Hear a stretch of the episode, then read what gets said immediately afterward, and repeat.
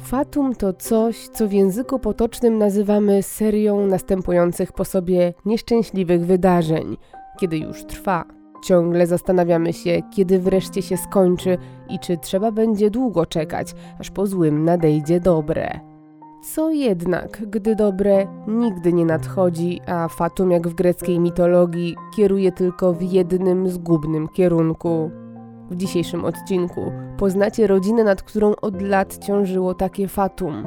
Rodzinę, która mimo licznych przeciwności z całych sił starała się iść do przodu, ale nieubłagany los przygotował dla niej własny scenariusz.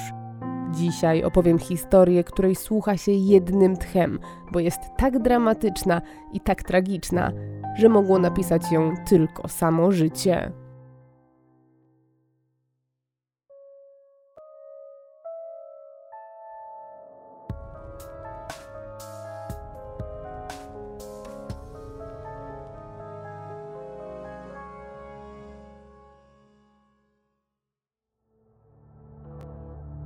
Bobby Jamieson Jr. przychodzi na świat w 1965 roku w małym miasteczku Kingfisher w stanie Oklahoma. Chłopak wychowywany jest tu przez swoich rodziców, ojca Boba seniora i matkę Starlet. Relacje Bobiego z Bobem seniorem nie są jednak najlepsze, bo ojciec jest zwolennikiem zimnego chowu, który nie jest przyjazny dziecięcej psychice, ale mimo tego tata z synem spędzają ze sobą dużo czasu, bo młody Bobby codziennie pomaga na stacji benzynowej, której właścicielem jest jego tata. Chłopak pracuje tak od dziecka aż do swoich nastoletnich lat, ale gdy zaczyna chodzić do liceum, coraz trudniej pogodzić mu pracę z nauką, przez co jego oceny są fatalne, a frekwencja nie przekracza nawet 50%. Bobby nie ma czasu na odrabianie lekcji czy uczenie się do testów. Od szkoły ważniejsza ma być praca, bo zdaniem jego ojca, syn, mimo że jest bardzo młody, musi sam zarobić na dach nad głową ubrania i jedzenie, które dostaje. Ostatecznie więc młody Bobby ledwo, ale kończy szkołę i tym samym dalszą edukację, a jego życie niewiele się zmienia. Od tej pory po prostu staje się regularnym pracownikiem na stacji i już cały wolny czas może poświęcać, by pomagać ojcu, który zdaje się, że widzi w synu tylko tanią siłę roboczą. Bobby pracuje tam bowiem w zamian za bardzo małą wypłatę, ale to co motywuje go, żeby dalej ciężko pracować i nie rzucić wszystkiego, to przyrzeczenie, jakie składa mu ojciec. Bob senior obiecuje synowi, że w przyszłości, gdy przejdzie już na emeryturę, sprzeda stację benzynową i w zamian za lata ciężkiej pracy podzieli się uzyskaną kwotą po połowie ze swoim jedynym potomkiem. Obietnica nie pozostaje bez pokrycia, bo taki zapis mężczyzna tworzy nawet w swoim testamencie, który spisuje u notariusza – Chłopak pracuje więc dalej w nadziei na to, że kiedyś zyska niemały majątek i w ten sposób prawie całą swoją młodość spędza na ciężkiej i żmudnej pracy. Chociaż z początku pracuje tylko u ojca, to z czasem zaczyna chwytać się też innych zawodów. Symboliczna wręcz pensja na stacji benzynowej nie pozwala mu się uniezależnić, ani tym bardziej założyć własnej rodziny, o której marzy. Bobby chce żyć tak jak inni, a jego pracowitość i spryt sprawiają, że młody mężczyzna dorabiając w różnych miejscach, w pewnym momencie zaczyna naprawdę dobrze zarabiać, chociaż wiąże się to oczywiście z całkowitym brakiem czasu dla siebie. W taki sposób mijają lata i nadchodzi rok 1998. Bobby ma 33 lata i właśnie przebywa w stolicy stanu, Oklahoma City. To właśnie teraz jego życie odmienia się, bo mężczyzna poznaje 3 lata młodszą Sherlin. Kobieta od razu wpada mu w oko, jest w jego typie, szczupła, zadbana i zawsze uśmiechnięta. Chociaż dopiero się poznają, Bobby już teraz widzi w niej idealny materiał na żonę. Para więc niemal od razu nawiązuje dobre relacje. Z początku zostają tylko przyjaciółmi, ale w niedługim czasie orientują się, że oboje czują do siebie coś więcej. Bobby bardzo lubi też ośmioletniego synka Sherlin, Coltona. Kobieta ma bowiem już na swoim koncie zawód miłosny i jest dwa lata po rozwodzie. Razem z synem przenieśli się tutaj z Teksasu, bo po nieudanym małżeństwie Sherlin wolała wrócić w rodzinne strony, gdzie mieszkają jej rodzice. Mimo tej nieco zagmatwanej przeszłości, Bobby zakochuje się w Sherlin i cztery lata później, w grudniu 2002 roku, kobieta zachodzi z nim w ciążę, a 1 sierpnia 2003 roku na świat przychodzi ich wspólna córeczka, Madison. Nowo powstała rodzina Jamesonów wiedzie teraz spokojne życie i wyglądają na bardzo szczęśliwych. Rok po narodzinach córki biorą skromny ślub w Palm Springs w Arizonie i jeszcze w tym samym roku podejmują decyzję o przeprowadzce. Bobby przez lata poświęcone tylko na pracy odłożył spore oszczędności, dlatego wspólnie biorą kredyt hipoteczny na 125 tysięcy dolarów i przeprowadzają się do dużego, wartego ponad 250 tysięcy dolarów domu w małym miasteczku o nazwie Eufaula. Przeprowadzają się więc niedaleko, bo niecałe 200 km od Oklahoma City, a ich nowy dom robi spore wrażenie na bliskich i znajomych, i to nie tylko z powodu swoich rozmiarów, ale też lokalizacji. Nowy nabytek Jamesonów znajduje się bezpośrednio przy brzegu dużego jeziora otoczonego zielonym lasem. Dla wielu to miejsce marzeń. Zresztą co roku przyjeżdżają tu tysiące turystów z całych Stanów Zjednoczonych, żeby skorzystać z uroków Eufaulii. Jamesonowie wierzą, że odnajdą tu spokój, o którym zawsze marzyli. Zgiełk wielkiego miasta nigdy nie był dla nich. Od kontaktu z ludźmi zawsze woleli ciszę i łono przyrody i mimo, że lubią towarzystwo swojej rodziny i przyjaciół, to nierzadko potrafią zaszyć się w domu i nie odbierać telefonów przez dłuższy czas. Nieraz zdarza się też, że wyjeżdżają na tydzień lub dwa, nie informując o tym nikogo. Być może to efekt wreszcie zdobytej niezależności, na którą Bobby tak długo i ciężko pracował, a być może kwestia charakterów. W każdym razie życie na uboczu to coś, co charakteryzuje rodzinę. Życie Jamiesonów, chociaż z boku wydaje się być idealne, to wcale jednak nie jest usłane różami. Jeszcze przed przeprowadzką i przed ślubem, w listopadzie 2003 roku, Bobby uległ poważnemu wypadkowi samochodowemu. Wpadł w poślizg na zdradliwym łuku drogi, a następnie jego samochód został uderzony przez dwa jadące w przeciwną stronę auta, przez co na długi czas trafił do szpitala. Niestety, mimo rekonwalescencji, jego kręgosłup został wtedy trwale uszkodzony. Lekarze nie dali nadziei na pełne wyleczenie i oświadczyli, że do końca życia będzie już cierpiał na chroniczny ból kręgosłupa. Gdyby tego było mało, mocny ból zaczął promieniować z lędźwi i wpływać też na usposobienie mężczyzny. W czasie ataków Bobby diametralnie się zmienia. Z pogodnego i wesołego faceta przeradza się w zgorzkniałego i apatycznego mruka. Co gorsza, Bobby po wypadku całkowicie traci możliwość wykonywania jakiejkolwiek pracy, ponieważ każdy większy wysiłek aktywuje atak bólu. W związku z tym niedługo po wypadku otrzymuje rentę inwalidzką, a co za tym idzie, dochody Bobiego spadają kilkukrotnie. Nie jest wiadome w jakiej kwocie zaczął otrzymywać świadczenie, ale typowa wartość takiej renty w USA to od 800 do 1800 dolarów miesięcznie, gdzie najniższa krajowa oscylowała w okolicach 1000 dolarów. Mimo wszystko, zbierane przez lata oszczędności pozwoliły spełnić rodzinie marzenie o domu na uboczu. Ale chociaż minęło dużo czasu, by pogodzić się z tą nową sytuacją, to Bobby wciąż czuje się mocno pokrzywdzony przez to, jak zmieniło się jego życie po wypadku. Nie odpuszcza. W 2005 roku wytacza pozew cywilny jego rzekomym sprawcom. Robi to, ponieważ policji do tej pory nie udało się ustalić przebiegu zdarzeń ani wskazać winnego. Sprawy sądowe tego typu ciągną się jednak latami, więc jak na razie Bobby, chociaż w pięknym domu nad jeziorem, to pozostaje bez pracy, bez odszkodowania i z dużym uszczerbkiem na zdrowiu. Poczucie niesprawiedliwości i często nawracający ból sprawiają, że z biegiem czasu Bobby popada w coraz większą depresję, a rodzinę z obrazka zaczyna trapić coraz więcej wewnętrznych problemów. Nadchodzi rok 2006. Mija zaledwie rok od przeprowadzki nad jezioro, kiedy Bobby udaje się do banku, gdzie składa wniosek o założenie drugiej hipoteki. Od pewnego czasu budżet w domu Jamesonów przestał się dopinać, a oszczędności zgromadzone przez ostatnie lata dosłownie wyparowały. Z tego powodu głowa rodziny zapożycza się na 60 tysięcy dolarów i mniej więcej w tym samym czasie rozpoczyna się proces wchodzenia w spiralę długów – W niedługim czasie po założeniu drugiej hipoteki Bobby i Sherilyn zaczynają zaliczać coraz większe zaległości w spłatach swoich kart kredytowych i próbują spłacać jedno zadłużenie za pomocą drugiego. Niestety, za każdym razem przynosi to tylko chwilowy spokój. W 2007 roku, kiedy sytuacja staje się naprawdę beznadziejna, pojawia się światełko w tunelu. Prawnik Bobiego na drodze negocjacji pozasądowych z pozwanymi ustala ugodę na poziomie 64 tysięcy dolarów. To świetna wiadomość dla rodziny, bo pozwala na tymczasowe załatanie wielkiej dziury budżetowej, jaka powstała w ostatnim czasie i spłatę większości drugiej hipoteki. Mija jednak czas, a sytuacja wcale się nie poprawia, a złe fatum, które dopadło rodzinę Jamesonów, najwyraźniej nie chce odpuścić. Jest końcówka września 2007 roku, gdy Sherlin wyjeżdża do Columbus w stanie Ohio, żeby odwiedzić swoją siostrę Marlę.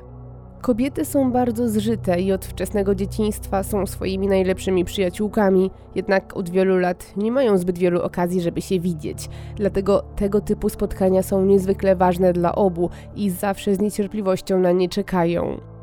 Jest ciepłe, leniwe popołudnie, kiedy Sherlin spędza czas na podwórku siostry. Kobiety siedzą na wygodnych krzesłach ogrodowych i popijają ulubione napoje. W trakcie rozmowy Marla sięga po swoją szklankę, bierze łyk, ale od razu zaczyna kaszleć i krztusić się. Kobieta łapie się za usta i coś z nich wypluwa, a nim osuwa się na ziemię, wyciąga otwartą dłoń, na której leży osa. Mimo szybkiej reakcji rodziny i natychmiastowego przewiezienia kobiety do szpitala, Marla umiera na oczach siostry z powodu silnej reakcji alergicznej. Zdarzenie to odbija się ogromnie na psychice Sherlin, bo gdy kobieta dowiaduje się od lekarzy, że jej siostra odeszła i nie ma nadziei na ratunek, sama traci przytomność i wymaga hospitalizacji. Po powrocie do rodzinnej Eufauli jest tylko gorzej. Sherlin zamyka się w swojej sypialni i spędza tam całe dnie i nie pozwala sobie pomóc. Zapewne każdy w takiej sytuacji rozleciałby się na miliony kawałków, jednak sytuacja dla niej jest znacznie trudniejsza do sprostania, ponieważ Sherlin całe życie zmaga się z problemami psychicznymi. Już od czasów liceum cierpi na zaburzenia afektywne dwubiegunowe, które na przemian wprowadzają ją w głębokie stany depresji i manii, oddzielone okresami bezobjawowymi, w czasie których stara się funkcjonować jak każdy inny człowiek. Dodatkowo Sherlin niestety już od lat nie stosuje się do zaleceń lekarzy i nie bierze przepisanych jej tabletek, bo dokuczają jej silne efekty uboczne, a dokładniej to bierze je, ale w kratkę, co jest najgorszym możliwym wyjściem, gdyż nigdy nie daje im zacząć działać, a na domiar złego regularnie cierpi na chorobę odstawienną. Nieleczone problemy i tragedia, jaka właśnie ją dotknęła, utrudniają powrót do normalności. Mija kilka trudnych i bolesnych miesięcy. Nadchodzi rok 2008. Niestety w domu Jamesonów znowu dzieje się źle. Bobby desperacko już poszukuje sposobów na wyjście z dołka finansowego i gotowy jest na każdy krok, by ustabilizować sytuację. Namawia więc Sherlin, by ta pozwała ojca swojego syna z poprzedniego małżeństwa o 32 tysiące dolarów zaległych alimentów. Bobby zaś próbuje zdobyć to, co jego i sam udaje się do swojego ojca do Oklahoma City, aby przypomnieć mu o jego zobowiązaniach, jakie zapisał w testamencie. Zgodnie z obietnicą i biorąc pod uwagę już sędziwy wiek ojca, sugeruje, by przeszedł już na emeryturę i prosi, by sprzedał swoją stację benzynową i podzielił się z nim pieniędzmi. Jednak ku zaskoczeniu wszystkich, Bob senior nie chce o tym słyszeć. Jego syn nalega, żeby dojść do porozumienia, ale to tylko rodzi większy opór. Między mężczyznami dochodzi do kłótni, a ostatecznie do rękoczynów. Bobby wraca do domu nie tylko bez pieniędzy, ale i z podbitym okiem. Rozwścieczony ojciec idzie też o krok dalej i udaje się do sądu, gdzie wykreśla z testamentu syna, a przy okazji mamy Bobiego, z którą jest w trakcie rozwodu całość swojego spadku przepisuje na jedyną wnuczkę, Madison. Bobby jest zdruzgotany, bo właśnie zrozumiał, że najprawdopodobniej stracił dostęp do majątku wartego co najmniej 100, jeśli nie 200 tysięcy dolarów, na który przez lata pracował w pocie czoła. Zaczyna też docierać do niego, że kończą się jego szanse na ustabilizowanie kiepskiej sytuacji finansowej. Mężczyzna, podobnie jak w przypadku wypadku samochodowego, czuje się pokrzywdzony i tym razem też nie odpuszcza. Planuje pozew cywilny, gdyż czuje, że ma podstawy, by wyrwać majątek ojca siłą. W końcu stracił przecież całą młodość, pracując na jego stacji za pół darmo, skuszony obietnicą dużego udziału w jej sprzedaży. Bobby jest tak rozgoryczony, że namawia nawet swoją matkę, by ta uczestniczyła w procesie w roli świadka. Ma teraz cel, chce przejąć całą stację benzynową oraz dwa pojazdy należące do firmy ojca i zrobi wszystko, żeby to osiągnąć. Wieści o spisku oczywiście szybko docierają do Boba Seniora, który w listopadzie 2008 roku pojawia się we Eufauli. Między ojcem a synem ponownie dochodzi do ostrej wymiany słów i szarpaniny, a finalnie wściekły Bob senior wsiada do swojego pick-upa i usiłuje nawet potrącić syna, który cudem jednak umyka do domu. Wezwana na miejsce policja pojawia się dopiero w momencie, kiedy agresor chwilę temu opuścił posesję. Wstrząśnięty Bobby opowiada funkcjonariuszom o tym, że ojciec groził jemu i jego rodzinie śmiercią. Opowiada też o próbie potrącenia i o pobiciu. Policja przyjmuje zgłoszenie, ale nic więcej z tym nie robi. Rzekomego sprawcy już nie ma, a Bobby Jr. ostatecznie nie wnosi też oskarżeń. Pasmo nieszczęść w rodzinie Jamesonów wydaje się nie kończyć i trwa do końca roku, kiedy to w grudniu w domu wybucha mały pożar. Ogień pożera część pomieszczeń i sprawia, że będą one wymagały kapitalnego remontu, co dokłada rodzinie problemów finansowych. Mimo wszystko Jamesonowie spoglądają w przyszłość z nadzieją. Wierzą, że teraz los musi się do nich uśmiechnąć. Jednak nowy rok 2009 wcale nie okazuje się dla nich łaskawszy. W marcu na 5 miesięcy wprowadza się do nich Starlet, matka Bobiego. Jej przeprowadzka to efekt ucieczki przed swoim mężem i ojcem Bobiego, z którym właśnie jest w trakcie burzliwego rozwodu. Star, bo tak nazywają ją przyjaciele i rodzina, jest na etapie ustalania majątku do podziału, a Bob senior jest gotowy zrobić wszystko, by wybronić swój dorobek życia i niczym się nie podzielić.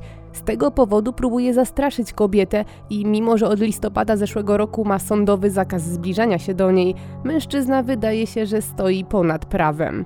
Od kiedy żona i syn połączyli siły, regularnie pojawia się w Eufauli i próbuje bronić swojego majątku poprzez grożenie zarówno synowi, jak i żonie. Zdarza się nawet, że pojawia się tu, gdy na miejscu są jedynie kobiety i dzieci, a w pewnym momencie grozi nawet własnej wnuczce, która przecież według testamentu jest jego jedyną spadkobierczynią. Sytuacja powoli zaczyna wymykać się spod kontroli, bo policja w żaden sposób nie reaguje, a rodzina czuje się coraz mniej bezpiecznie. Miesiąc później z inicjatywy STAR w domu w Eufauli montowany jest system alarmowy i monitoring. Wtedy też w obawie przed ojcem Bobby składa w sądzie wniosek o sądowy zakaz zbliżania się także do niego i jego rodziny. We wniosku opisuje Boba seniora jako despotę i tyrana, który na dodatek umoczony jest w półświadku i zarabia na życie poprzez nielegalne interesy z meksykańską mafią z Oklahoma City. Na nieszczęście rodziny wniosek jednak zostaje oddalony jako bezzasadny. Ani sąd, ani policja nie chcą pomóc Jamesonom. Jednak i tym razem Bobby nie odpuszcza i kilka tygodni później, w maju, wytacza ojcu pozew cywilny, w którym żąda od niego przekazania mu stacji benzynowej razem z ruchomościami. Ten krok nie pozostaje oczywiście bez odpowiedzi i Bob senior razem ze swoim bratem zgłaszają rodzinę Jamesonów do amerykańskiego odpowiednika MOPS-u, żeby narobić im kłopotów. Ta wymiana złośliwości trwa, a ostateczny cios dla rodziny następuje w czerwcu, kiedy ojciec Coltona w odwecie za wniosek o wsteczny zwrot alimentów pozywa Sherlin i wnosi o pozbawienie jej władzy rodzicielskiej nad synem.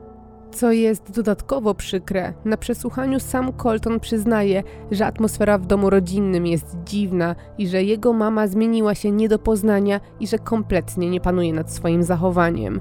Chłopak nie chce już mieszkać z Jamesonami i przychyla się do wniosku ojca. Prosi sąd o przyznanie opieki nad nim swojemu ojcu z Teksasu.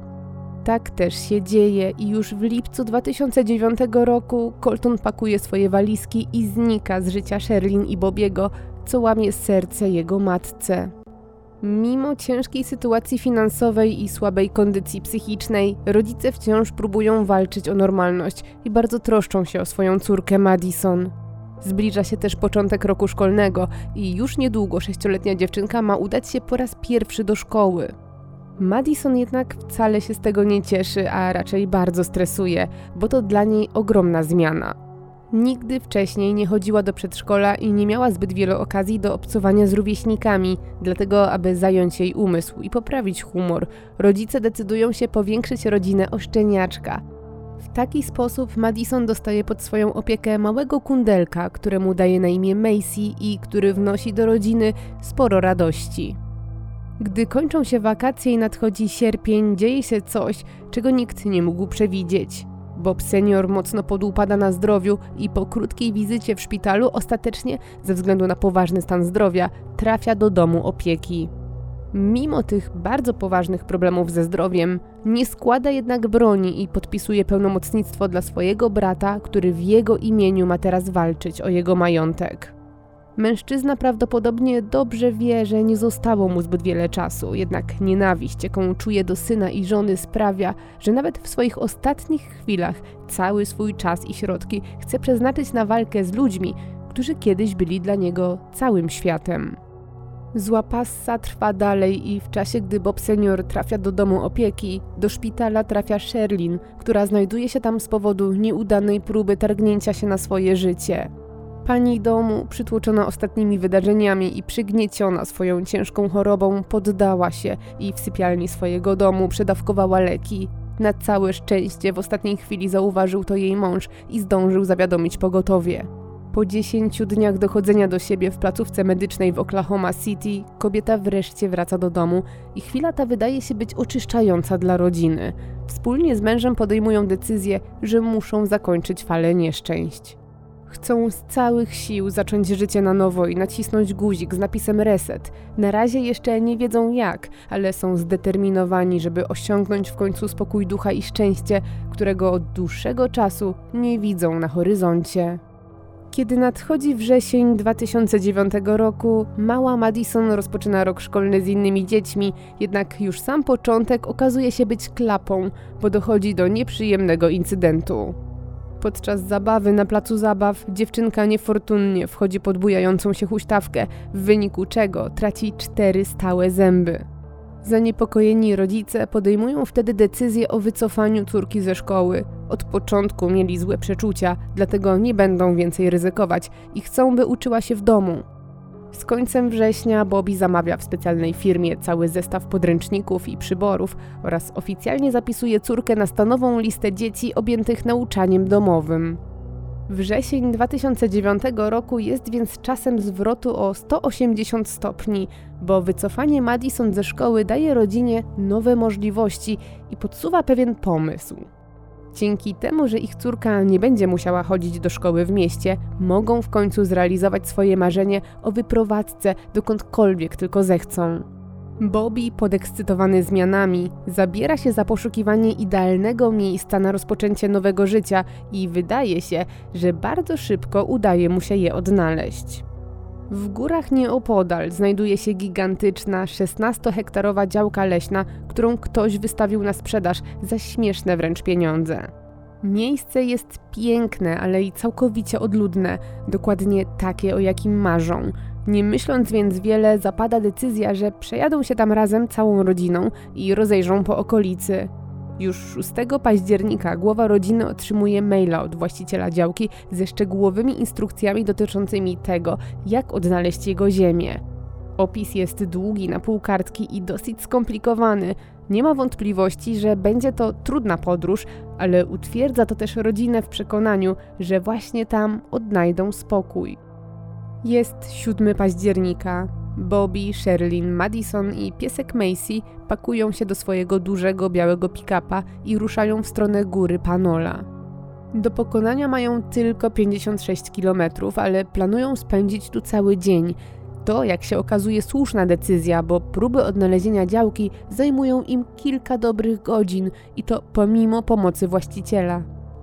Mężczyzna mieszka poza stanem, więc nie może spotkać się z rodziną i zaprowadzić ich na miejsce, ale zamiast tego rozmawia z nimi przez telefon i przekazuje numery do innych mieszkańców z okolicznych gór.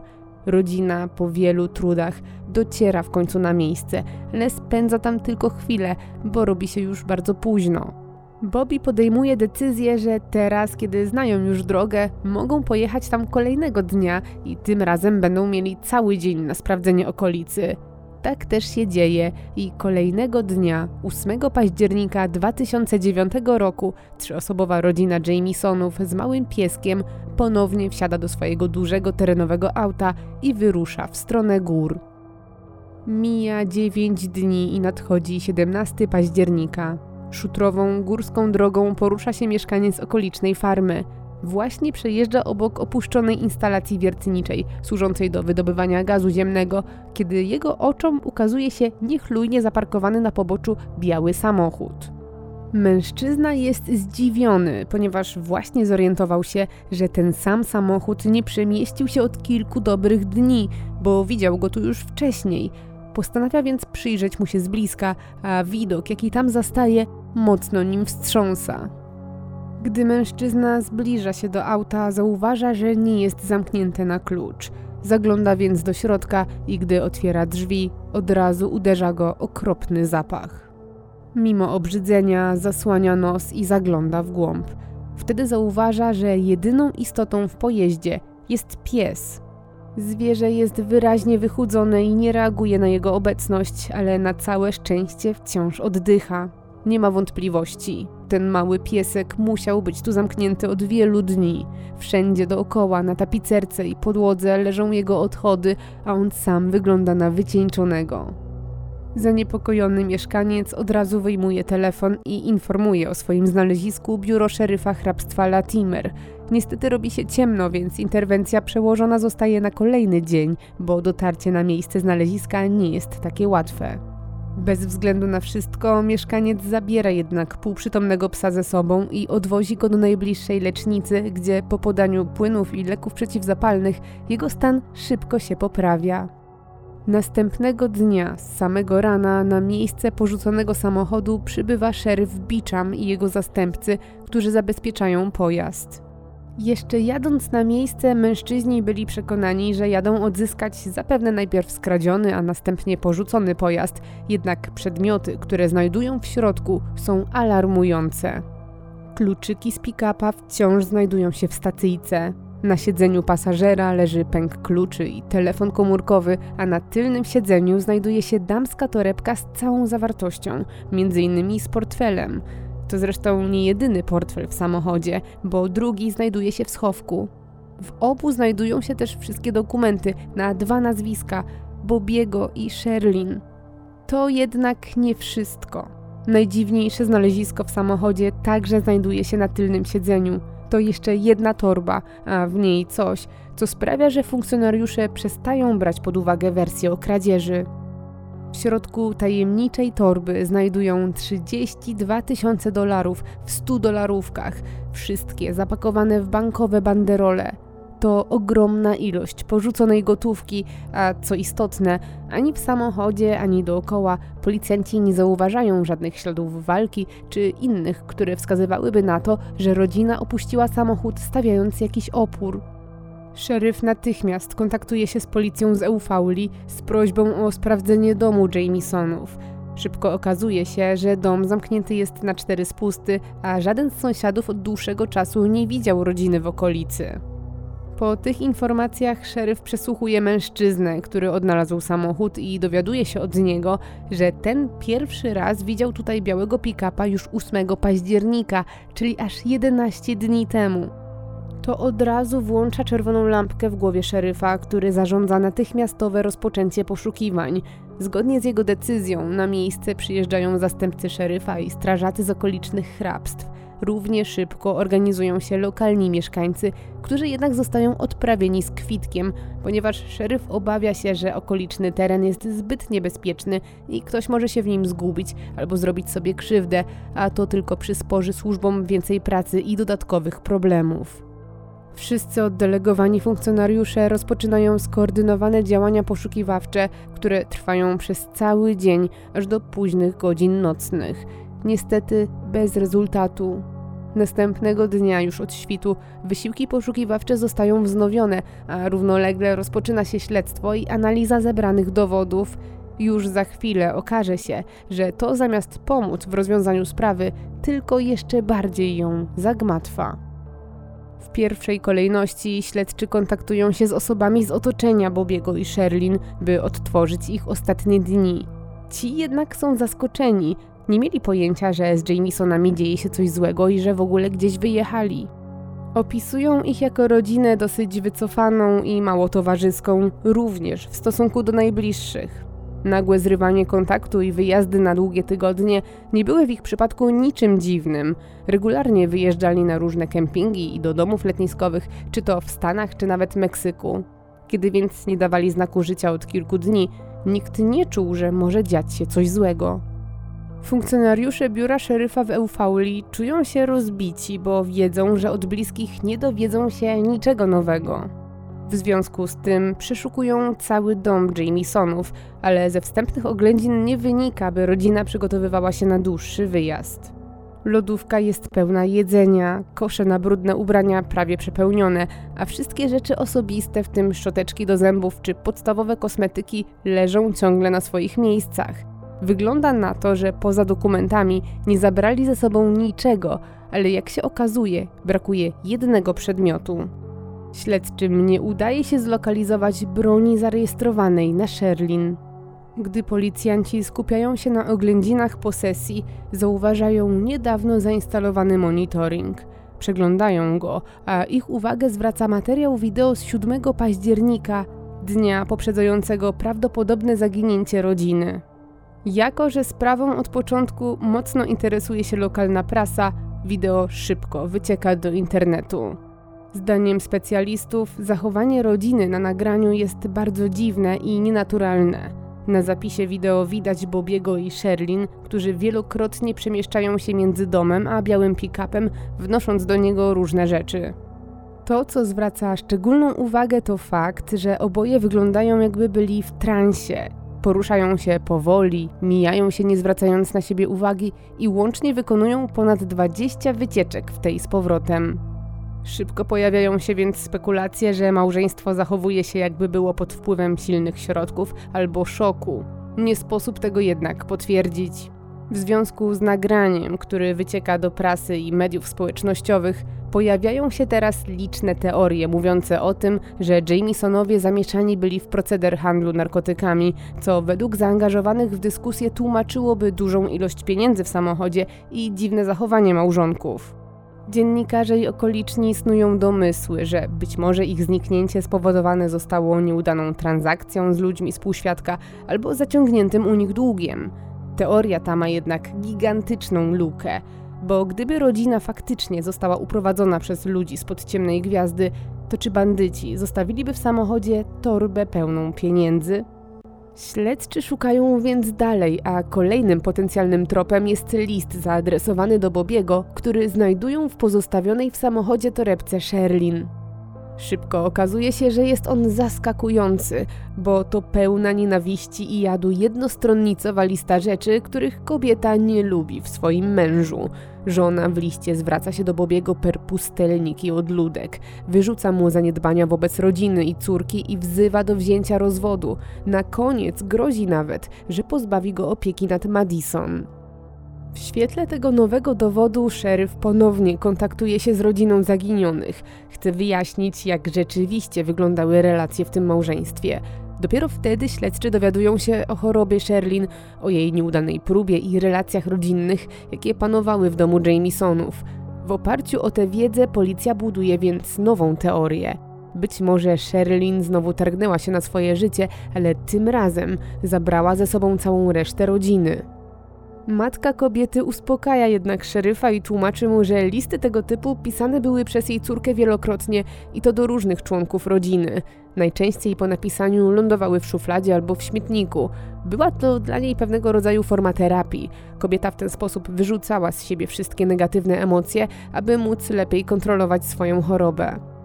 Ten wątek zostaje więc chwilowo porzucony, a działania trwają dalej. Trakcie analizy przedmiotów znalezionych w samochodzie przebadany zostaje telefon Bobiego, który leżał na przednim siedzeniu.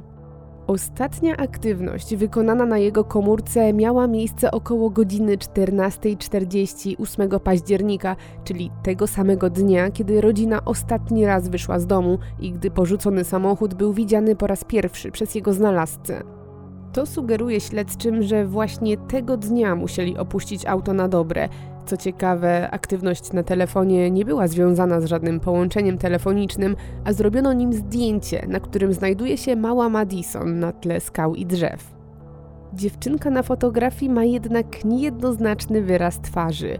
Jedni nie widzą w zdjęciu niczego nadzwyczajnego, ale inni twierdzą, że dziewczynka jest przerażona i że być może czuje się niekomfortowo lub nawet jest na granicy płaczu. Ma założone ręce i wygląda trochę jakby na coś się nie zgadzała lub komunikowała, że jest jej zimno. Z całą jednak pewnością nie wygląda na zadowoloną. Śledczy sprawdzają też listę wykonywanych wcześniej połączeń, ale nie rzuca ona nowego światła na sprawę, ponieważ składa się z tylko jednego ponadgodzinnego połączenia do potencjalnej sąsiadki Jamisonów, mieszkanki okolicznych gór. Jak się okazuje, rozmowa ta nie wnosi jednak nic do sprawy i dotyczyła pytań o okolice. Do śledczych zaczyna powoli docierać, że nie mają żadnego punktu zaczepienia. Obok targnięcia się na własne życie i zwyczajnego zgubienia się w terenie, zaczynają zastanawiać się nad udziałem osób trzecich w tym dziwnym zaginięciu. W pierwszej kolejności badany jest oczywiście wątek zemsty ojca Bobiego. Mężczyzna jednak w momencie zaginięcia rodziny już od dwóch miesięcy znajdował się w domu opieki po doznanym rozległym wylewie.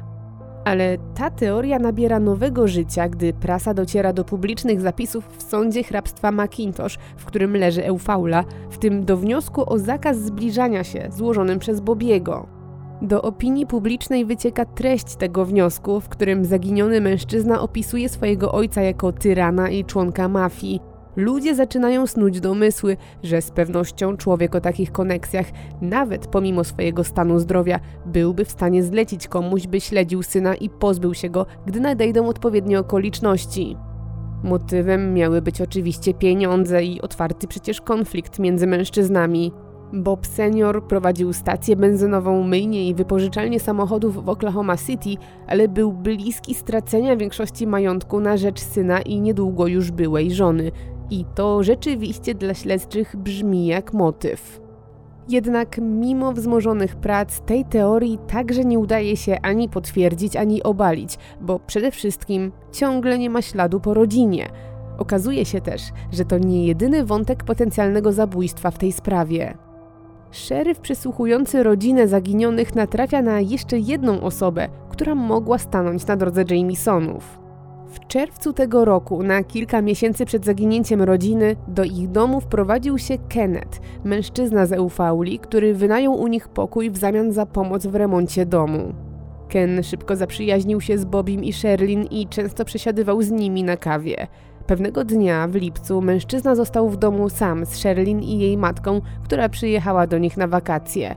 W czasie rozmowy mężczyzna wypytywał matkę z córką o to skąd pochodzą. Był tym żywo zainteresowany, ponieważ mają bardzo niecodzienne nazwisko. Sherlin zdradziła wtedy, że jej ojcem jest rdzenny Amerykanin, a ta wiadomość wywołała u mężczyzny niezrozumiały wręcz szok.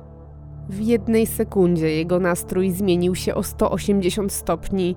Ken z przyjaznego mężczyzny stał się agresywny i zagroził kobietom, że Ufaula to miasto tylko dla białych ludzi i że muszą je natychmiast opuścić albo liczyć się z tym, że organizacja, do której należy, po nie przyjdzie. Sherlin wpadła w złość, że takie groźby padają pod jej dachem i pobiegła po broń, którą trzymała w sypialni. Trzymając Kena na muszce, wyprowadziła go z domu, a gdy ten zakwestionował, czy w ogóle umie trafić do celu, ta zrobiła kilka dziur w ziemi prosto pod jego nogami, szybko udowadniając, że nie żartuje i że ma odpowiednie umiejętności. Mężczyzna dopiero wtedy się przestraszył i już nigdy więcej nie pojawił się na posesji Jamisonów. Wydarzenie to mocno jednak odbiło się na nadszarpniętej już psychice Sherlin, a teraz dało śledczym do myślenia, czy Ken nie wrócił, żeby się zemścić. Biuro szeryfa od razu zaczęło badać ten trop i faktycznie okazało się, że na terenie Eufauli funkcjonowała kiedyś organizacja skupiająca siejących nienawiść ludzi, jednak od wielu lat jest już nieaktywna, bo wielu jej członków wylądowało w więzieniu lub opuściło okolice. Sam Kenneth ma też mocne alibi na czas zaginięcia rodziny, ponieważ w tym czasie z całą pewnością był poza stanem.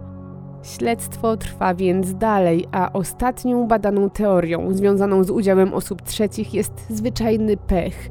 Biuro szeryfa nie wyklucza, że Jamesonowie, krążąc po nieznanej sobie okolicy, zobaczyli coś, czego nie powinni.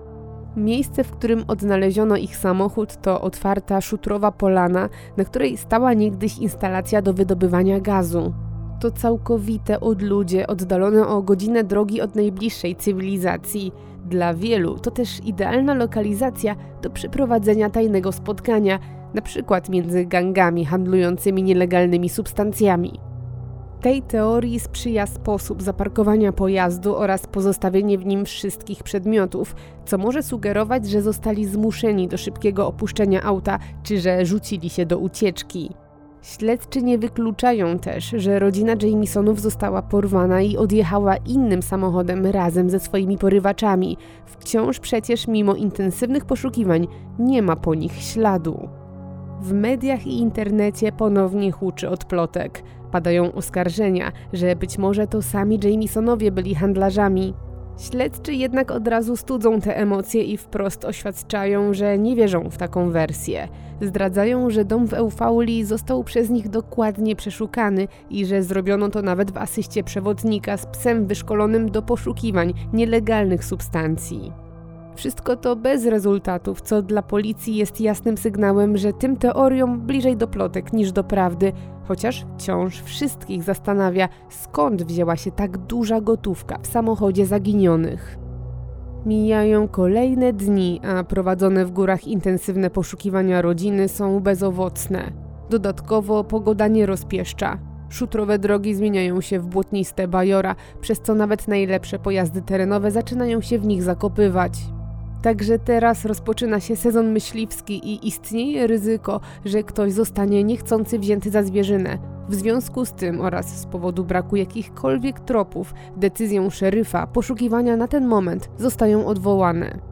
Szeryf przyznaje też, że szanse na odnalezienie Jamesonów żywych są bliskie zeru, dlatego ryzykowanie życia osób ich poszukujących byłoby skrajnie nieodpowiedzialne i gdyby komuś stało się coś złego, nigdy by sobie tego nie wybaczył.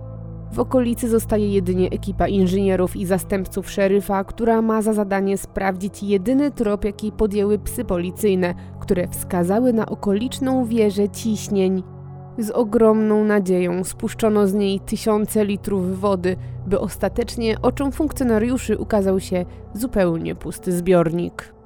Szeryf Beecham nie jest jednak w stanie odpuścić i wierzy, że jedynym sposobem na odkrycie prawdy o Jamesonach jest dalsze szeroko zakrojone śledztwo.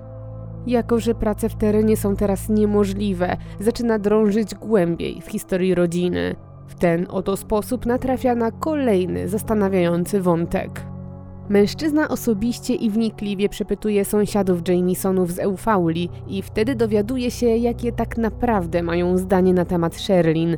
Praktycznie wszyscy są też zgodni. Ich zdaniem kobieta jest dziwaczką. Widząc zaangażowanie szeryfa, miejscowi otwierają się i opowiadają, że ich sąsiadka uważała się za wiedźmę i przytaczają szeryfowi wiele dziwnych sytuacji. Wyznają, że sama tak przedstawiała się okolicznym mieszkańcom, a w skrajnych przypadkach ostentacyjnie rzucała na nich uroki.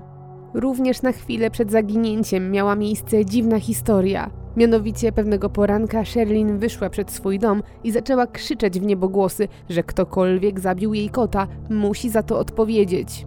Następnie wzięła czarny spray i napisała dwa zdania na kontenerze oceanicznym, który rodzina od dłuższego czasu trzymała na swojej działce – do tej pory ludzie z tej okolicy zabili trzy koty. Wiedźmy nie lubią, gdy zabija się ich czarne koty. Im szeryf drąży bardziej, tym bardziej okazuje się, że motyw czarów przeplata się przez śledztwo jeszcze kilka razy, bo już w czasie pierwszych oględzin domu w Eufauli policjanci odnaleźli tam dwa interesujące przedmioty. Biblię szatana autorstwa Laveya oraz księgę czarów dla czarownic. Temat tych przedmiotów oraz zachowania Sherlin szybko jednak wyjaśnia jej przyjaciółka Nikki, z którą kobieta znała się od dzieciństwa i która była częstym bywalcem w domu Jamesonów. Tłumaczy ona, że Sherlin i jej siostra Marla od małego interesowały się tematyką okultyzmu i czarów, jednak raczej nie było to niezdrowe zainteresowanie. Kobiety podchodziły do tego z dystansem i z czasem motyw ten stał się pewnego rodzaju żarcikiem tylko dla wtajemniczonych. Książka czarów była prezentem od siostry, a Biblia szatana od męża i poza znaczeniem symbolicznym nie były w żaden sposób wykorzystywane przez zaginioną. Jeżeli natomiast chodzi o temat rzucania uroków i dziwnego zachowania wobec sąsiadów, matka i przyjaciółka Sherlin tłumaczą to chęcią życia w spokoju. Ich zdaniem rodzina Jamesonów wręcz chciała uchodzić za dziwaków, aby nikt nigdy nie próbował inicjować z nimi kontaktu. Od zawsze męczyło ich zbyt przyjazne usposobienie obcych ludzi i podobno sama Sherlin dokładnie w taki sposób tłumaczyła swoje wybryki. Takie wyjaśnienia rzeczywiście bardziej docierają do śledczych. Magiczny wątek, chociaż znowu chętnie forsowany przez media, nie jest brany na poważnie przez śledczych. Za to dzięki dziwnym napisom pozwala im zwrócić uwagę na kontener znajdujący się na działce w Eufauli. Okazuje się bowiem, że według planów rodziny po przeprowadzce w góry miał on zostać tam przetransportowany i zaadaptowany na pomieszczenie mieszkalne z sypialnią, kuchnią i toaletą. Marzeniem Jamesonów było życie jak najbliżej przyrody, z dala od cywilizacji i innych ludzi. Opuszczając Oklahoma City i przenosząc się do Eufauli, byli przekonani, że właśnie w taki sposób osiągną spokój. Jednak ten popularny cel turystów z całych Stanów i sąsiedztwo ludzi, którzy chcieli tworzyć spójną społeczność, okazał się ich przekleństwem. Łodzie motorowe, ciągłe imprezy na plaży i cała masa sąsiadów dookoła nie pasowały do ich cichego stylu bycia na uboczu. Być może w ten sposób chcieli uciec od wszelkiego towarzystwa, ale też przed swoimi wierzycielami, gdyż działka znajdowała się głęboko w lesie, w górzystym terenie, gdzie bardzo trudno było dotrzeć. Być może też przy okazji planów ucieczki w dzicz narodziła się też myśl, by skutecznie sfingować swoje zaginięcie, co zdecydowanie dałoby rodzinie wymarzony spokój. Ta wersja wydaje się pasować. Rodziny przecież ciągle nie odnaleziono, a dążenie do szczęścia stało się wręcz ich jedynym życiowym celem. Czy jednak w takim wypadku zostawiliby w aucie ukochanego psa i dużą gotówkę niewiadomego pochodzenia, która na pewno byłaby potrzebna na nowy start? A przede wszystkim, czy w ogóle ten nagły plan przeprowadzki był podyktowany chęcią ucieczki na łono natury? I tu pojawiają się kolejne pytania, bo w toku śledztwa policjanci kontaktują się z pastorem lokalnego kościoła w Eufauli, a to co od niego słyszą wprawia ich w nie lada zdumienie i znowu wszystko plącze. Na kilka miesięcy przed zniknięciem Bobby i Sherlin pojawili się niezapowiedziani w domu pastora. Byli mocno pobudzeni i wyraźnie przestraszeni. Duchowny zaprosił ich do swojego domu i wysłuchał, co mają do powiedzenia. Małżeństwo zaczęło zwierzać się, że mała Madison od pewnego czasu zaczęła opowiadać o swojej nowej przyjaciółce, Emily. Rodzice od początku byli zdumieni, ponieważ dziewczynka nie miała ostatnio możliwości poznania nikogo w swoim wieku, ale córka szybko wytłumaczyła im, że Emily jest niewidzialna i mieszka na strychu nad jej pokojem. W tym momencie pastor zaczął uspokajać rodziców, że to całkiem normalne, by dziewczynka w jej wieku miała wymyślonego przyjaciela, Bobby przerwał mu jednak i opowiedział, że z początku również tak myśleli, ale w kolejnych tygodniach w ich domu zaczęły dziać się dziwne rzeczy. W nocy ze strychu słychać było różne dziwne hałasy. Wszyscy czuli też niezrozumiałą obecność. Również przyjaciółka rodziny Niki oraz mama Bobiego Star zeznały, że w ostatnich miesiącach poprzedzających zaginięcie Jamesonów w ich domu czuły się nieswojo. Dokładnie tak, jakby ktoś ich obserwował i miał złe zamiary. Pastor nie wiedział, w jaki sposób pomóc rodzinie, która w związku z rzekomym nawiedzeniem ich domu odwiedziła go kilkukrotnie. W czasie ostatniego spotkania Bobby pytał nawet, czy istnieje może specjalna srebrna amunicja, którą mógłby rozprawić się z istotami żyjącymi na ich strychu. Ostatecznie małżeństwo udało się nawet do władz hrabstwa, aby sprawdzić, czy ich dom nie został postawiony na cmentarzysku Indian. W świetle tych rewelacji prawdopodobnym zaczyna stawać się to, że rodzina padła ofiarą zbiorowej psychozy i przekonana była, że ich dom jest nawiedzony. Może właśnie dlatego postanowili się z niego jak najszybciej wyprowadzić, jednak nastąpiła eskalacja. Być może w lesie coś spłoszyło Jamesonów, którzy przestali postępować racjonalnie. To właśnie historie o duchach w połączeniu z nagraniem, na którym rodzina wydaje się być w transie, nadają tej sprawie medialnego rozgłosu. O zaginięciu Jamisonów zaczynają rozpisywać się nie tylko lokalne gazety, ale też media na całym świecie. Obszerny artykuł publikuje m.in. Daily Mail, a na forach skupiających amatorów zagadek kryminalnych zaczynają tworzyć się coraz to nowe wątki na kilkaset stron. Sam fanpage na Facebooku, prowadzony przez rodzinę zaginionych, szybko przekracza milion obserwujących. O sprawie powstają też odcinki w popularnych programach o niewyjaśnionych zbrodniach, w których zobaczyć można wypowiedzi zarówno wszystkich członków rodziny Jamison, jak i samego szeryfa Bichama. Jednak mimo tak ogromnego zainteresowania i tysięcy chętnych chcących pomóc w sprawie, mijają miesiące, a następnie lata i nie pojawia się żaden nowy trop. Po rodzinie wciąż nie ma śladu i nic nie zapowiada, by miał nadejść przełom. Wypowiadający się dla gazet szeryf prowadzący śledztwo podsumowuje wszystko mówiąc: Wielu śledczych chciałoby mieć tyle tropów co my. Problem w tym, że wskazują one w tak wielu różnych kierunkach, że nie wiemy, co z nimi zrobić. Od tajemniczego zniknięcia całej rodziny mijają 4 lata. Nadchodzi listopad 2013 roku. Szeryf Beecham, który z dużym zaangażowaniem prowadził ich sprawę, odszedł już ze stanowiska, a poza rodziną mało kto pamięta o tej smutnej sprawie. Właśnie teraz, w listopadzie, w górach wschodniej Oklahomy trwa sezon myśliwski, a w czasie tropienia zwierzyny dwóch myśliwych przeczesuje lasy w okolicach miejscowości Red Oak. Gdy są skupieni na swoim zajęciu, nagle w krzakach znajdują coś niepokojącego. Widzą tam kości. Na pierwszy rzut oka znalezisko nie robi na nich wrażenia. Żyje tu w końcu wiele dzikich zwierząt i szczątki to stały element runa leśnego. Jednak po chwili mężczyźni orientują się, co właśnie znaleźli i że z całą pewnością są to pozostałości po człowieku, właściwie po kilku osobach. Na miejscu szybko pojawiają się przedstawiciele biura szeryfa oraz stanowego biura śledczego, którzy zabezpieczają kości oraz strzępki ubrań i przewożą je do laboratorium do Oklahoma City, gdzie specjaliści po niedługim czasie przekazują sensacyjne wieści. Znalezione przez myśliwych szczątki to rzeczywiście pozostałości po trzech osobach, a dokładniej po zaginionych od lat Bobim, Sherlin i Madison. Wiele osób znających sprawę jest w szoku, bo okazuje się, że ciała zaginionej rodziny odnaleziono zaledwie 4 km od porzuconego samochodu. Jak to możliwe, że mimo zakrojonych na szeroką skalę poszukiwań nie udało się odnaleźć ich wcześniej? Przecież teren, jaki przeczesano, był zdecydowanie większy i także obejmował to miejsce. To jednak nie koniec pytań, jakie rodzi odkrycie. Szokujące jest też ułożenie ciał zaginionej przed laty trójki. Wszyscy leżeli bowiem na brzuchach równo jeden obok drugiego.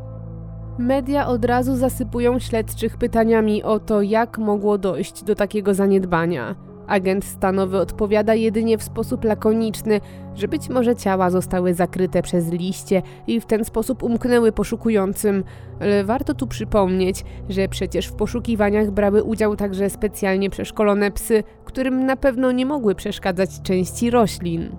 Policję zalewa więc fala krytyki, ale wśród tych głosów pojawiają się też te, które zwracają uwagę na to, co jest najbardziej istotne że ta tajemnicza sprawa wreszcie wydaje się zmierzać do końca. Każdy czeka teraz na nowe informacje i przede wszystkim na wyniki sekcji, ale razem z nimi przychodzi rozczarowanie. Okazuje się, że stan, w jakim odnaleziono ciała, niestety nie pozwala na ustalenie przyczyny zgonu. Ekspozycja na czynniki atmosferyczne i dzikie zwierzęta zatarły wszelkie ślady, poza jednym. W trakcie sekcji czaszce Bobiego patolodzy odnajdują dziurę, którą z początku uznają za ranę po kuli, jednak po pewnym czasie dzieje się coś dziwnego. OSBI, czyli Stanowe Biuro Śledcze stanu Oklahoma, wycofuje się z tej opinii i w raporcie zapisuje, że uszkodzenie powstało pośmiertnie w wyniku żerowania dzikich zwierząt, a za najbardziej prawdopodobną przyczynę zgonu uznają hipotermię. Opinia publiczna nie kryje zdumienia, a korekta co do obrażeń Bobiego spotyka się z otwartym protestem myśliwych, którzy znaleźli szczątki. Mężczyźni nie zgadzają się z takim wyjaśnieniem i są w szoku, że tak ostatecznie brzmi protokół. Na własne oczy widzieli uszkodzenie i są przekonani, że był to ślad po kuli, a z racji swojego doświadczenia mała jest szansa, by się mylili. Ich słowa jednak nic nie znaczą przy oficjalnym raporcie, który zamyka sprawę i jednocześnie też nic nie wyjaśnia. Chociaż więc nadszedł ten długo wyczekiwany przełom, to jak to miało miejsce w przypadku innych tropów i dowodów związanych z rodziną Jamieson, również odnalezienie ciał zaginionej trójki nie tylko nie odpowiada na żadne pytania, ale wręcz zadaje nowe. Jak to możliwe, że poszukiwania prowadzone przez profesjonalistów zawiodły i nie odnaleziono rodziny, która leżała przecież zaledwie 4 km od swojego samochodu? Skąd to dziwne i równe ułożenie ciał zaginionej trójki i dlaczego nie wzbudziło żadnych podejrzeń u śledczych? Ciężko uwierzyć, by trzy osoby zmarły jednocześnie w wyniku hipotermii, leżąc jeden obok drugiego. I dlaczego skoro dziura w głowie Bobiego została zaklasyfikowana przez patologa jako rana po kuli, co potwierdzali nawet doświadczeni myśliwi, stanowe biuro śledcze ostatecznie uznało za uszkodzenie wywołane żerem dzikich zwierząt? Na te pytania do tej pory nie ma odpowiedzi, a są jedynie spekulacje. Sprawa Jamisonów do dzisiaj jest jedną z najbardziej popularnych, nierozwiązanych do końca spraw z USA. Wciąż powstają liczne publikacje, reportaże i podcasty na ten temat, które analizują sprawę rozkładając ją na czynniki pierwsze. W internecie wręcz roi się od licznych teorii, od tych najbardziej szalonych, mówiących, że Jamesonowie należeli do jakiegoś kultu, którego stali się ofiarami, lub że należeli do gangu i zginęli w wyniku porachunków. Są też bardziej pragmatyczne wyjaśnienia, jak zabójstwo połączone z odebraniem sobie życia. Nie brakuje też oczywiście zwolenników teorii o paranormalnym aspekcie tej sprawy, czy że wszystkiemu winne były po prostu problemy rodzinne. Być może z powodu niewydolności finansowej Bobby uznał, że nie ma ratunku dla jego rodziny, lub może to problemy emocjonalne Sherlin popchnęły ją do okrutnego czynu, szczególnie, że do dnia dzisiejszego nie znaleziono jej broni. Teoria o tym, że za śmierć rodziny odpowiedzialne jest jedno z małżonków, lub że była to nawet ich wspólna decyzja, jest bardzo popularna, jednak ma zasadniczą lukę. Nigdzie nie znaleziono narzędzia zbrodni, Niektórzy sugerują więc, że może doszło do otrucia, ale ciężko wyobrazić sobie, żeby wszyscy zmarli w podobnym czasie, leżąc równo obok siebie. Wiele jednak wskazuje, że być może jest ktoś, kto doskonale wie, co stało się z Jamesonami w październiku 2009 roku. Może to ktoś przypadkowy, albo ktoś powiązany na przykład z ojcem Bobiego. W każdym razie, wśród wielu teorii, ludzie najmniej wierzą w tą oficjalną. Ja jednak mam swoją teorię, która siedziała mi w głowie praktycznie od początku zapoznania się z tą sprawą. Moim pierwszym skojarzeniem z zaginięciem Jamesonów jest film Kaliber z 2018 roku, w którym dwójka znajomych wyjeżdża na urlop do Szkocji w czasie sezonu myśliwskiego. Główny bohater, tropiąc jelenia, przez przypadek pozbawia życia spacerującą tamtędy osobę, która, jak się okazuje, nie jest w lesie sama. Kiedy myśliwy orientuje się, co zrobił, w ciągu ułamka sekundy podejmuje decyzję, że zatuszuje zbrodnię i spróbuje uciec przed konsekwencjami, w związku z czym pozbawia życia także niewygodnego świadka. W jednej więc chwili ze zwykłego człowieka staje się zabójcą, którego dręczą wyrzuty sumienia. Przeszukując źródła dotyczące sprawy, nie natrafiłam na podobną teorię, ale wydaje się być ona sensowna. Jamesonowie mogli udać się na górę Penola, gdzie na jednej z polan zaparkowali swój samochód i wyszli z niego, żeby rozejrzeć się po okolicy, co tłumaczyłoby pozostawienie wszystkich rzeczy. Oddalili się od auta, zeszli z drogi i, będąc na totalnym odludziu, podobnie jak rodzina z filmu, ktoś z nich mógł zostać przypadkowo wzięty za zwierzynę. Taki obrót spraw mógłby też wyjaśnić, dlaczego wcześniej nie odnaleziono ciał. Myśliwy schował Jamesonów i przeczekał okres poszukiwań, a następnie porzucił ich w dziczy, kiedy sprawa już przycichła i gdy poszukiwania zostały wstrzymane. To tłumaczyłoby dziwne i nienaturalne ułożenie ciał. Być może gotówka naprawdę należała do rodziny, może zdobyli ją w nielegalny sposób, ale myśliwy nie zajrzał do samochodu, bo nie chciał zostawić żadnych śladów i nawet nie wiedział, że w tej niepozornej torbie na tylnym siedzeniu były ogromne pieniądze. Zbrodnię doskonałą dopełnia to, że sprawca był osobą zupełnie przypadkową i nie było motywu, i tym samym dotarcie do niego stało się praktycznie niemożliwe. To jednak oczywiście wciąż tylko jedna z wielu teorii, której dzisiaj już chyba nie sposób ani potwierdzić, ani obalić. Tragiczna historia trzyosobowej rodziny okrążyła świat. Zyskała sławę dzięki licznym wątkom i tropom, które dały obserwującym ogromne pole do snucia własnych teorii.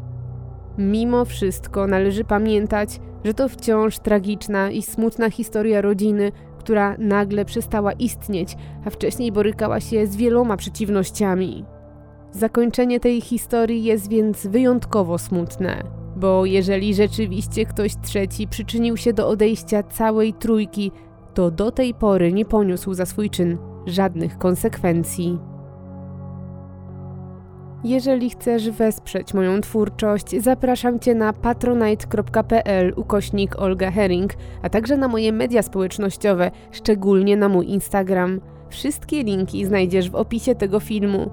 Będzie mi też bardzo miło, jeżeli zechcesz subskrybować mój kanał. Dzięki temu nie przegapisz kolejnych odcinków i pomożesz mi dotrzeć dalej.